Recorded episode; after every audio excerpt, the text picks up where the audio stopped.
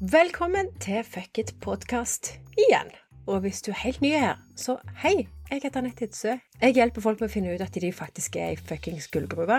Og når de vet det, så hjelper jeg de med å finne ut hva pokker de skal satse på videre. Og jeg elsker det. I denne episoden så skal jeg dele noen råd om hva en ikke bør gjøre hvis en holder på å dø inni seg og har mista helt gnisten på jobb, og hva en bør gjøre i stedet. Altså å bruke kunnskapen om de naturlige styrkene til å få gang på energien og finne mening i det en gjør. Og akkurat nå så kan det hende at du gjerne kjenner at du drukner i oppgaver som suger livsgnisten ut av deg. Kan hende at du har konkludert med at det du holder på med, ikke gir deg energien og gleden som du skulle ønske du hadde i jobbsammenheng. Og dette merker du antageligvis at det glir litt over på fritida på en måte. For det at eh, når du kommer hjem, så er batteriet antageligvis nesten flatt. Dette er jo jævlig frustrerende, og det kan kreve litt å bli bevisst på hva som må faktisk velges vekk, og hvordan en kan gjøre mer av det som er bra for seg, og det en gjerne er naturlig god på. Og grunnen til det er kanskje at du enten ikke har kommet skikkelig i gang med aktivt velge vekk ting, eller at du føler at du gjerne ikke har tid eller overskudd eller mandat i jobben din til å gjøre det du vet vil gi deg energi, og det du egentlig har lyst til. Eller at du innerst inne bare går og drømmer om å si opp og satse på noe helt annet. Men hvis du faktisk kjenner at energien din er brukt opp når du kommer hjem fra jobb, så er det definitivt på tide å se litt nærmere på ting og finne ut hva du kan gjøre annerledes, både på jobb og på fritida. For én plass må jo energien komme fra. Og det mange gjør da, når de skal ta noen grep, når eh, jobben på en måte spiser opp alt energien, så har man gjerne noen metoder for å kompensere for manglende gnist, og noen litt sånn standard metoder og ting å gjøre som en gjerne gjør for å håndtere en sånn en situasjon. Og her er noen typiske måter en kan finne på å kompensere. Og disse her, de er klassiske og universelle, når en da kjenner at eh, energien gjerne begynner å tømmes på ordentlig. Og den første tingen som en gjerne gjør, eller tenker på, det er å jeg trenger bare å gjøre noe annet-metoden. Dette gjorde jeg sjøl òg, og jeg hadde latt det faktisk gå så langt at det eneste alternativet jeg følte jeg hadde, hvis det ikke skulle bli liksom sykemelding innen kort tid, det var å bare gjøre noe annet. Whatever. Noe som ikke krever noe. Og dette er av og til helt nødvendig hvis det faktisk er gått for lenge. Sånn helt seriøst, det er bedre å komme seg vekk enn å råtne og ende opp utbrente og nedtrykte. Men i lengden så løser jo ikke denne metoden det egentlige problemet. Og grunnen til det, er at om kort tid, når en da har gjort dette og switcha til whatever else, så innser en at det, det var jo ikke så jævlig mye grønnere på andre sida. For det at du får ikke brukt deg sjøl. Fuck. Så om ikke lenge så er du på søken igjen. Men bonus, du er kommet deg videre fra der du var. Og et lite personlig tips fra meg til deg hvis at du har måttet tydd til denne metoden her allerede, så ikke ble der for lenge. For det, det, det, som kan skje da, det er at du gjerne begynner å tvile på deg sjøl. Og så lurer du på om du kan noe i det hele tatt. Og det kan godt hende at du akkurat nå kjenner at det, dette er jo fantastisk, for du har kommet deg vekk, men vær obs på hvor lenge du befinner deg der, og hva du forteller deg sjøl når du er der. Og den neste kompenseringsmetoden, det er utholdermetoden. Det betyr at du holder ut og prøver å forbedre situasjonen der du allerede er. Og selvfølgelig så er dette i utgangspunktet en veldig god ting, og vi skal faktisk snakke litt om hvordan du kan gjøre dette med bruk av de naturlige styrkene dine, men hvis du vet med deg sjøl at du uansett er på feil plass, og at du råtner på rot, så er dette fuckings meningsløst, altså. Jeg bare sier det. Det er ikke vits. Det, det, det er da du på en måte er i denne utholdergreia. Så egentlig så har du en konkurranse med deg sjøl hvor lenge du holder ut før du til slutt kapitulerer og må finne på et eller annet annet. Og den neste kompensasjonsmetoden, det er personlig renessansemetoden, eller bli ny-metoden. Og det å kompensere med å bruke selvhjelpsbøker og kurs, kanskje til og med online kurs om online kurs for å finne ut hvordan du skal bruke deg sjøl. Men sannsynligvis er du fremdeles, uansett, dypdykk og alt det du lærer om deg sjøl, så er du fremdeles uten en tydelig retning. Og selv om denne metoden her er skambra, sant, du lærer masse om deg sjøl, og det kjennes spennende ut, du føler du er i bevegelse og alt dette her, så vil du mest sannsynlig være stuck i et vakuum av 100 verktøy, men uten noen som gir deg svaret på det som egentlig er spørsmålet ditt. Hva faen skal du gjøre med livet ditt, og hvordan skal du sørge for at du beveger deg i en retning som er rett for deg? For det at det, hvis du først skal satse og vokse og få det bedre med deg sjøl og det du fått tildelt, så må du vite hva du skal gjøre. Det nytter ikke å gå rundt og surre i et vakuum av 100 verktøy og bare føle at du er i bevegelse, men egentlig ikke komme av flekken. Igjen been there, done that. Den neste kompenseringsmetoden er boblebadmetoden. Kanskje litt dyrt akkurat nå om dagen, men du skjønner hva jeg mener. Boblebadmetoden betyr at du fokuserer på stresshåndtering og prøver å gjerne å skape pusterom i hverdagen og en måte å håndtere stresset som du opplever gjennom jobben. Og problemet her det er at du ikke håndterer rodersaken til at stresset oppstår. Så du takler det, men du løser ikke det egentlige problemet. Og denne her har jeg òg prøvd, men det endte egentlig med at jeg brukte masse energi på å få tid til å skape disse pusterommene, men jeg var fremdeles like pumpa når jeg kom hjem fra jobb. Så egentlig så funka denne metoden her kun som medisin for å liksom ta knekken på symptomene av det egentlige problemet. Det neste det er overskygde med mer glede-metoden. Den har jeg òg testa inngående. Og dette betyr at du overfyller livet og kalenderen med ting du liker og elsker, og venner og sosialt og kino og hobbyer, spennende aktiviteter, kreativitet. Men det hjelper dessverre ikke, for det fyller ikke tomrommet av å ikke føle at du har funnet de hylla, eller at du gjør noe du digger, eller noe du mestrer, og noe du bare kjenner til. fy faen, dette er bra. Dessverre. Men du har det jævlig gøy sånn ellers, da. og den siste vi skal inn på av disse kompenseringsmetodene som vi gjerne tyr til, det er num-nummeret-metoden. Og dette er kanskje den tristeste av alle, for dette er når du da har akseptert og innfunnet deg med at det ikke er noe der ute for deg.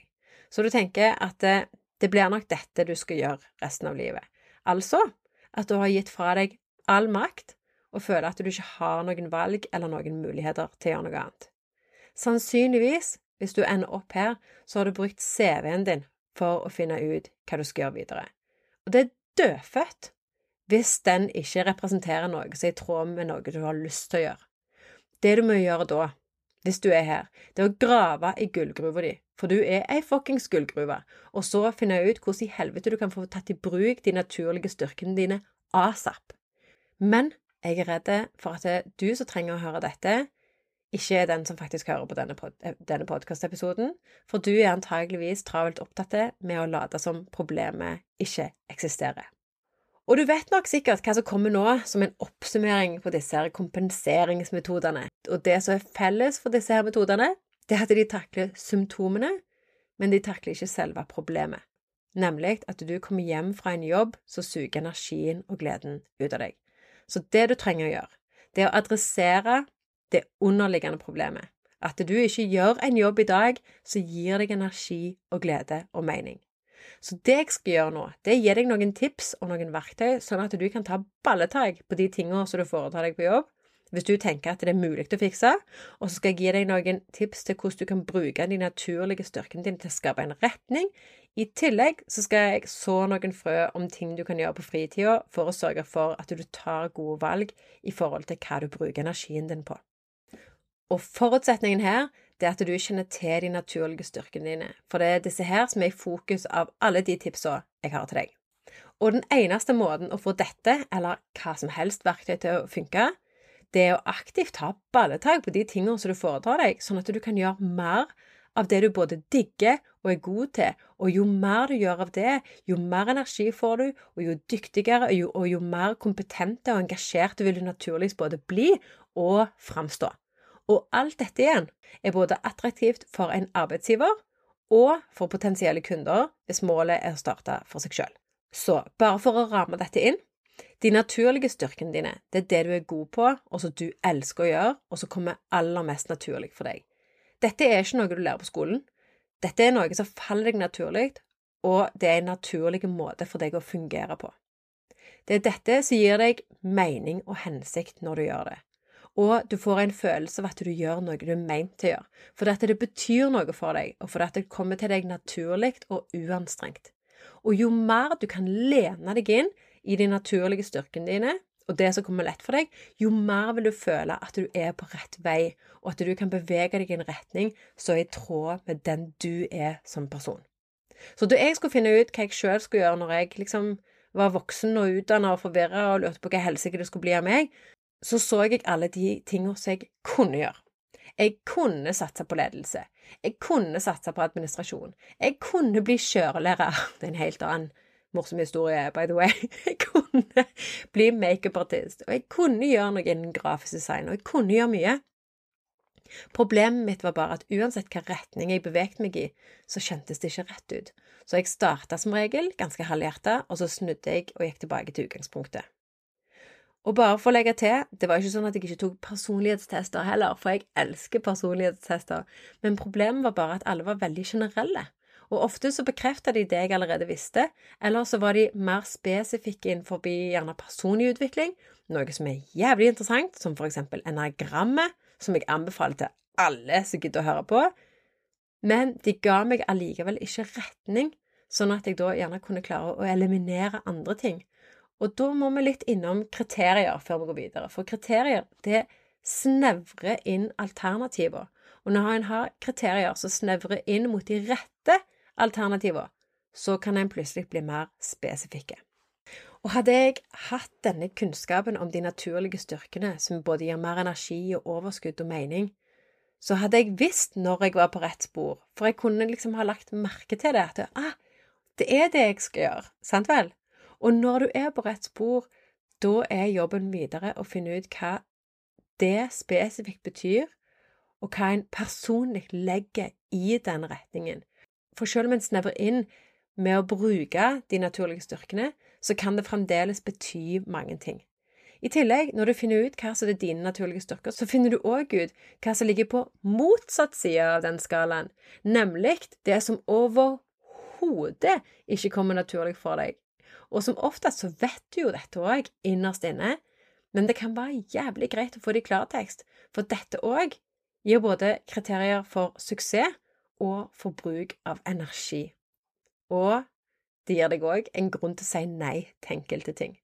Og det tar meg videre til måten vi kan ta i bruk kunnskapen om de naturlige styrkene, både for å skape retning, men òg for å aktivt snevre inn hva en skal fokusere på. Og for å bruke en analogi, og jeg liker jo det, det vet du jo hvis du har hengt med meg litt allerede Se hvis du skal gå tur til helga, og du kan gå hvor du enn vil. Så vil du antageligvis slite med å bestemme deg, sant vel, for du har absolutt alle muligheter. Skal du reise til Sveits? Skal du til Hemsedal? Eller skal du gå tur til Preikestolen? Eller kanskje en syvnudstur? Og hva om du da for eksempel hater store mengder med folk, eller folk generelt? Da tar du antageligvis ikke turen til Preikestolen. Da kan du bare stryke den. Og hva om du ikke gidder reise så langt, da? Da stryker du flyturen til Sveits, i hvert fall. Og så spør du kanskje da en kompis eller ei venninne om de vil være med. Og hvis du da har funnet ut at denne turen her kommer til å ta timevis, kanskje du satser på denne syvminuttsturen? så tar du ikke med deg hun venninna så du vet klager og har vondt i beina etter de første hundre meterne. Eller den som du gjerne går tom for samtaleemner med innen den første halvtimen, eller den som kun snakker om seg sjøl og klager over hele familien, som er så jævlig håpløse, eller hvor mye hun hater jobben sin og alle de der idiotiske kollegaene sine. Du inviterer jo med deg folk du trives godt med, kanskje noen du kan le med, kanskje du kan ha en god samtale med, og så du vet at det kan holde energien oppe sammen med deg til dere kommer fram. Er du enige? Og apropos det, å komme fram, hvordan vet du at du er framme? Og hva annet bør du tenke på for å sikre at det blir en jævlig fin og minnerik tur?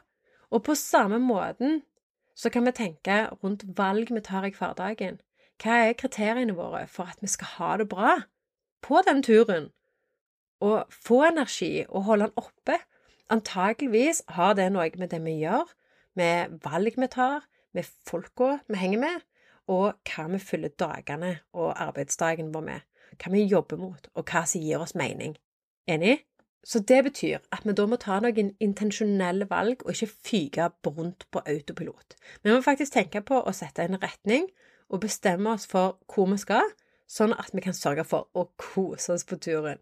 Ok, her kommer da sju måter du kan bruke kunnskapen om de naturlige styrkene dine og det som kommer mest naturlig for deg, for å skape deg en hverdag med mer energi, overskudd og ikke minst mening. Og det første tipset jeg skal dele med deg, det er i forhold til nye muligheter. Og med det så mener jeg Si for eksempel at telefonen ringer, og så er det sjefen. Og så forteller da personen på andre sida at de satt i et møte her om dagen, og så tenkte de på deg, at det dukket opp en ny mulighet som de tror vil passe for deg. Og her har jeg vært noen ganger sjøl. Og det som skjer da, i alle fall i mitt hode, det er at det, først så blir jeg litt sånn overraska, og så blir jeg litt sånn Å, så kjekt du tenkte på meg. For tanken var jo veldig god. Og så tror de i tillegg at det vil passe for meg. Og da har denne personen satt rammene for at dette er noe som potensielt kan være noe for meg enten de kjenner meg eller ikke. Og så forklarer de kanskje da litt hva det går i. Og siden da jeg har hatt til vane for å tenke at det, alle utfordringer er gode utfordringer, så med høres, mindre det høres helt jævlig ut, så er sjansen ganske stor for at jeg kommer til å tenke hm, hvorfor ikke? Og av og til så er motivasjonen vår mer å komme oss vekk fra der vi er nå. Så da er det jo ofte et ganske enkelt valg, for det gir på en måte en liten sånn out. Men det er jo ikke sikkert at det alltid er så sykt mye grønnere på andre sida. Og noen ganger, men slett ikke alltid, og så sitter du kanskje der seks måneder seinere, og så tenker du ja, så da var jeg her, da. Har ikke kommet meg lenger, nei. Jeg bare bytta til andre sida av gjerdet, og det en gjerne da i praksis har gjort, det er å bli distrahert først og fremst for hvor en gjerne skulle, selv om en gjerne bare hadde en vag idé om hva det faktisk var. Og så, dette gjelder meg da, har jeg brukt jævlig mye energi på å lære meg noe nytt, men jeg har fremdeles ingen idé om hva jeg skal gjøre videre. Så når sånne muligheter da dukker opp, da er det fint å ha noen kriterier en kan velge ut fra. Så kan en for, eksempel spørre seg sjøl vil dette gjøre at jeg kan få brukt mine naturlige styrker? Og hvor mye av denne muligheten innebærer at jeg gjør ting som jeg absolutt ikke liker, eller ting som stjeler energi? Og vet jeg hvor denne muligheten tar meg, eller er det bare liksom sånn vekk fra motivasjon fordi at jeg er drittleie en annen plass? Og vil jeg få utvikle meg i en retning som er viktig for meg? Og hvis du ender opp med at eh, mange av de svarene her er positive for deg, så er det kanskje en god mulighet. Men hvis det ikke er tilfellet, så kan du kanskje spørre deg selv om hvorfor du var så jævla ivrig i utgangspunktet. Og hvis det var for å komme deg vekk fra noe annet, så er det kanskje mer fornuftig å finne ut hvor du vil med styrkene dine istedenfor. Altså hvordan du kan få brukt dem på best mulig måte for deg. Og det tar meg videre til tips nummer to, og det er å bruke de naturlige styrkene dine til å skape en retning. Hvordan gjør du det? En kan for eksempel finne ut hva som inngår i de naturlige styrkene for oss personlig. For eksempel, jeg elsker coaching, og jeg har advisor på topp som min naturlige styrke, og jeg elsker å hjelpe folk med å løse ett spesifikt problem, nemlig hva de skal satse på videre, og få de til å gå for det. Og jeg har ei spesifikk gruppe med kunder som jeg aller helst jobber med. Men hvis en ser bare på advisoren som generelt, så er dette en naturlig styrke som da kan Eh, være lett for å få kontakt med andre folk, og det at en elsker å være en del av en prosess, og at en elsker å være der for noen andre og guide noen på veien. Sammen? For en finner like mye glede i det sjøl som den andre får av å få den hjelpa. Men den kunnskapen sier fremdeles ingenting om hva type advisor er. For eksempel er en gjerne rådgiver, Er en veileder, hva problem er det for eksempel du skal løse, eller hvem, helst, hvem er det helst du vil jobbe med, eller hva som betyr noe for deg å hjelpe andre med. Så uansett hva type du er, så er det ekstremt nyttig å finne ut hva dette betyr for deg, og hvordan du kan begynne å ta dette i bruk i praksis. Og for noen så det å finne og få kjennskap til sine naturlige styrker noe som bare vil bekrefte og forsterke noe de allerede vet. Og for andre så åpner dette opp en liksom ny motorvei av retninger som en kan velge. Og da kan det være nyttig å gjøre det videre dypdykket, sånn at du beveger deg i en retning som er i tråd med de naturlige styrkene dine, men òg som dyrker det som er viktig og rett for deg personlig. Og det tar meg videre til det tredje tipset. For sannsynligvis, med mindre du har starta for deg sjøl allerede, så er du i en posisjon hvor du både har en leder og noen kolleger. For de fleste har jo det. Og når du tok jobben som du er i dag, så signerte du på en kontrakt som sier noe om hva du er i bedriften for å gjøre. Eller i alle fall som et utgangspunkt. Og noen av de daglige oppgavene eller lengre prosjektene kan være kjekke, imens andre ting en må være med på, kjennes ut som energien eh, suges ut, og at en dør en sakte død fra innsida. Og realiteten er at du kan være god på mange av oppgavene fordi at du har lært deg det, men det er ikke sikkert at de kommer helt naturlig for deg. Og det betyr sannsynligvis at det er enkelte ting som du da strever litt ekstra med, og at de krever en del mer, en del mer av deg enn andre. Og her på dette punktet her kan vi alle gjøre forbedringer for, oss sjøl. Spesielt hvis jobben din gjerne ikke er helt waste of time. Sant? At du kjenner at det er forbedringspunkter. Du må ikke bytte jobb, du råtner ikke helt på rot. Eller, og at en da gjerne jobber i selskaper hvor det er rom for å vokse og optimalisere måten en får brukt evnene sine. Og hvis du er litt der hvor du har det greit, men det er ting som skurrer, så anbefaler jeg at du ser litt nærmere på oppgaven du har, og de prosjektene som du er en del av. Og det du skal gjøre da, det er å skrive ned alt du gjør fra dag til dag. Yes, I know tedious, men det vil gjøre at du da kan sammenligne alt dette mot de naturlige styrkene dine. Og gjennom dette så kan du se hva som faller inn under det du er naturlig god på, og som du elsker å gjøre, og det som gjerne er litt mer energikrevende og sjelesugende. Og jeg sier ikke at det nødvendigvis er mulig å få oppnådd dette med 100% at du bare yeah, 100 av uka mi er bare happy camper. For uansett om du jobber for deg sjøl eller for andre, så er det ekstremt nyttig å gjøre alle de mulige endringene, men det er gjerne en litt sånn utopi å tenke at du skal være 100% hele veien. Men det som en kan bruke dette til, det er i det minste å jobbe mot det en ser er en bedre match med den en er, og det en har å tilby. Og der kommer de naturlige styrkene inn for fullt. Og dette gjelder da både daglige oppgaver og mulige utviklingsretninger.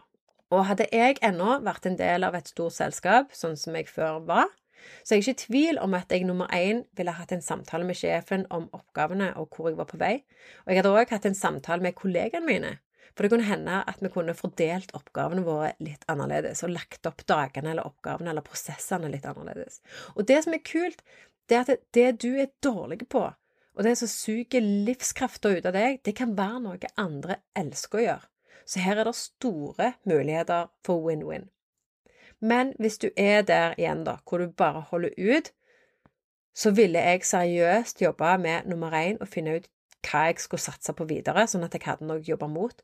Og det å sette en retning og lage en overgangsplan for hvordan du skal komme deg vekk fra der du er i dag, og over på det sporet som gir deg energi og mening.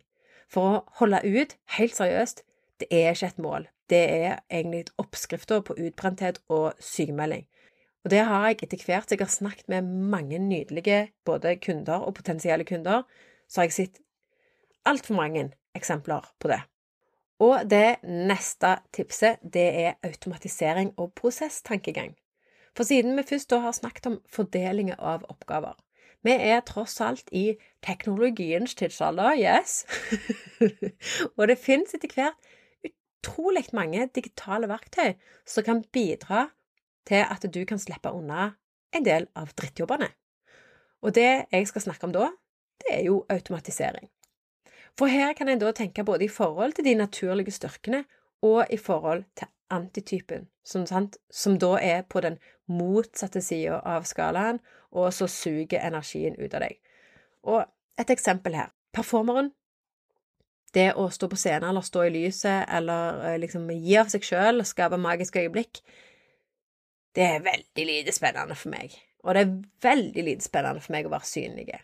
Så det er det desidert vanskeligste jeg gjør som gründer. For mesteparten av tida så har jeg ikke spesielt lyst til å verken dele hva jeg holder på med, eller hvordan jeg gjør ting. Det er ikke interessant for meg. så derfor så automatiserer jeg eksempel publisering av TikToker til Instagram. For da slipper jeg å få vondt innvendig nok en gang av å stikke hodet framfor hogg, sånn som jeg opplever det. Ja, jeg har jobba med dette her. Jeg har det mye og det har blitt en del coachingtimer på dette temaet her, for å si det sånn, men allikevel så vil det forbli den tingen som gjør mest vondt. Og et annet eksempel er det jeg er naturlig god på. Og så her, selv om denne jobben her er ekstremt lystbetont for meg, så er det deler av det arbeidet òg hvor det er ting som jeg ikke syns er spesielt spennende å gjøre. Som for eksempel å gjenta meg sjøl, det er jeg ikke så god på, og det å gjøre administrative ting som å booke møter, og det betyr at jeg da har en gyllen mulighet til å sette opp automatisering rundt dette, sånn at jeg da kan gjøre minst mulig av det. Og sist, men ikke minst, det er da å skape systemer og prosesser. Er det noe som jeg elsker, så er det å skape systemer og prosesser, for det gir meg mening. Og så slipper jeg da å gjøre ting mange ganger. Så det jeg gjør istedenfor, det er at jeg følger ei oppskrift og så gjør jeg det samme hver gang, og så forbedrer jeg de tingene som kanskje er uklart, eller som var mindre effektive, eller hadde mindre virkning enn det jeg hadde forutsett. Altså at jeg skaper en prosess, og så gjør jeg da kontinuerlig forbedring etterpå. Og dette, i forhold til coaching og tjenester, kan da kalles for et signatursystem. Altså at alt det jeg har av tjenester, er knyttet opp mot en prosess som tar kunden mot et spesifikt mål. Og det å skape en prosess og kontinuerlig forbedre i alle mulige ledd, det er også kalt lean, hvis du har hørt om det.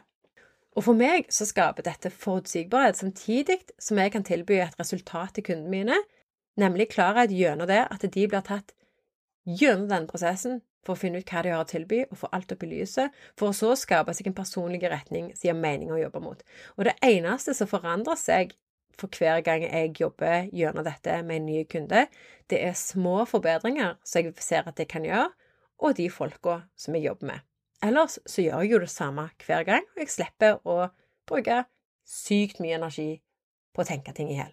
Så automatisering og prosesstankegang kan være viktige elementer for å skape resultater, men òg da for å eliminere de tingene som ikke funker, eller de som man hater å gjøre, og skape mer tid og energi til de tingene som kjennes meningsfullt ut, og som gir energi og overskudd.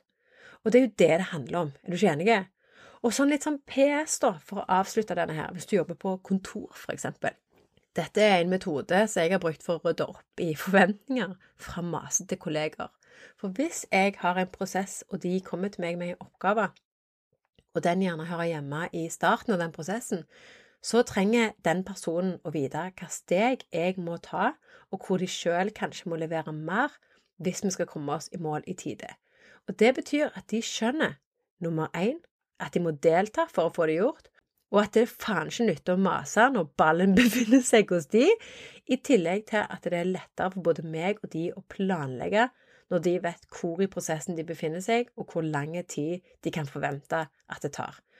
Og denne metoden her, den brukte jeg bevisst med litt sånn vanskelige kolleger, bare for at eh, jeg skulle være ekstremt tydelige, sånn at de visste akkurat hvor de hadde meg.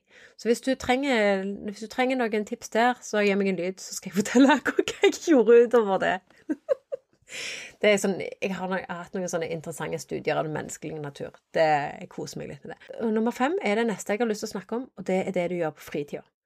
Og jeg nevnte i episoden eh, som heter 'Hvordan få gjort det du drømmer om når du ikke har tid', hvor jeg da snakker om prinsippet om at det, vi prioriterer, er det vi bruker tid over på. Så spørsmålet blir da hvordan prioriterer du på fritida? Sier du ja til alt og alle og alle som spør, eller er du selektiv og tenker litt på hva det gir deg òg? Og da kan vi gjerne bare ta en liten sånn tilbakeblikk til denne syvnudsturen igjen. For handler det ikke om å kose deg på den turen og nyte det? Jeg syns i hvert fall det. Jeg går ikke bare tur bare for å komme fram. Jeg har lyst til å ha det gøy òg, og nyte den, og kose meg. Og personlig, som sagt, så har jeg blitt ekstremt selektiv i bruk av fritida mi. Og jeg sier ikke at en bare kan fjerne alt en ikke liker å gjøre, og det som ikke gir energi, for det blir liksom en liten sånn utopi. Men at en kan strebe etter at fritida skal være fullt med mening og glede og tid med de en er glad i, og mest mulig gøy, det er jo en jævlig fin plass å begynne. Og personlig så har jeg for eksempel brukt kunnskapen om de naturlige styrkene mine til å sortere vekk dugnadsarbeid som jeg suger i, til fordel for å heller tilby bistand på de områdene hvor jeg vet jeg har mer å komme med, og hvor jeg vet at det både vil gi de mer verdi i lengden, og meg mer energi på andre sida. Og så takker jeg aktivt nei til å gjøre ting hvor jeg kommer hjem tomme for energi, eller til oppgaver og ting som jeg vet jeg vil skyve foran meg og bare utsette. Og igjen, heldigvis har vi alle forskjellige ting vi er gode på, så uten å fraskrive seg alt ansvar, så kan en i alle fall være tydelig på hvor en kan være det beste bidraget. Så litt sånn selektivitet i forhold til hva en sier ja til på fritida, i forhold til hva som gir energi, det blir aldri feil. Og da har vi kommet til tips nummer seks, og det er å bruke kunnskapen om de naturlige styrkene dine til å finne ditt unike talent. Og det er ikke alle som tror meg når jeg sier at alle har et unikt talent. Og jeg tror at grunnen til det, det er at en rett og slett er blinde for sine egne evner. Og da blir det liksom det der syltetøyglasset. Når du sitter oppi det, så er det jævlig vanskelig å se hva som står på labelen. Ubevisst kompetente kan en òg kalle det. Vi tar rett og slett det vi kan få gitt. Det gjør de fleste av oss. Bare tenk, hvis du har billappen. Hver gang vi lærer noe nytt, går vi gjennom en prosess. Og det første steget, det er ubevisst inkompetent. For vi kan ingenting om bilkjøring. Vi vet ikke det vi ikke vet, fordi vi vet ekstremt lite. Så når vi begynner å lære litt, så blir vi bevisst inkompetente. For det vi blir bevisste på, det er alt vi ikke vet. Så vi ser at det å lære seg å kjøre bil faktisk er en hel jobb. Så at, det faktisk ikke bare er giring og svinging og det å holde seg på veien som er noe.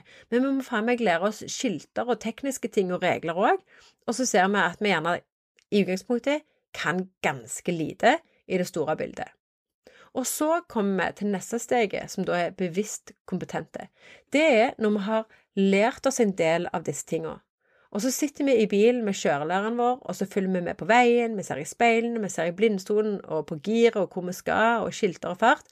Hodet er liksom i litt sånn overload, for det det, vi kan ikke gjøre dette på autopilot ennå. Så vi må være sinnssykt på å følge med på alle disse forskjellige små tingene. Og når vi kommer til neste steg i prosessen, det er, vi, det er da vi blir så gode at vi ikke, er, ikke, lenger er bevisste på hva vi gjør.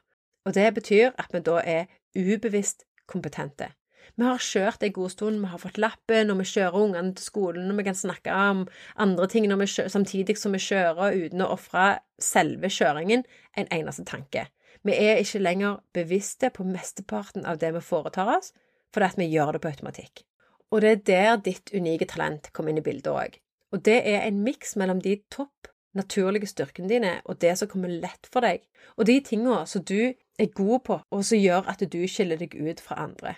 For som jeg sa tidligere, selv om du vet hva de naturlige styrkene dine er, så må du finne ut hva de betyr for deg. Og når du vet hva det er, så er det om å gjøre å dyrke det og utvikle det og bruke det til noe du opplever som verdifullt. Det de fleste kundene mine sier når vi har gått gjennom denne prosessen her, det er at det, ja, men det, dette visste jeg jo, men jeg har aldri sett på det på den måten før. At det er noe som er unikt for meg, eller at det er noe som ville gitt meg noe å bygge, bygge videre på. Og det er fordi at de gjør det ubevisst hele tida, fordi at det kommer helt naturlig.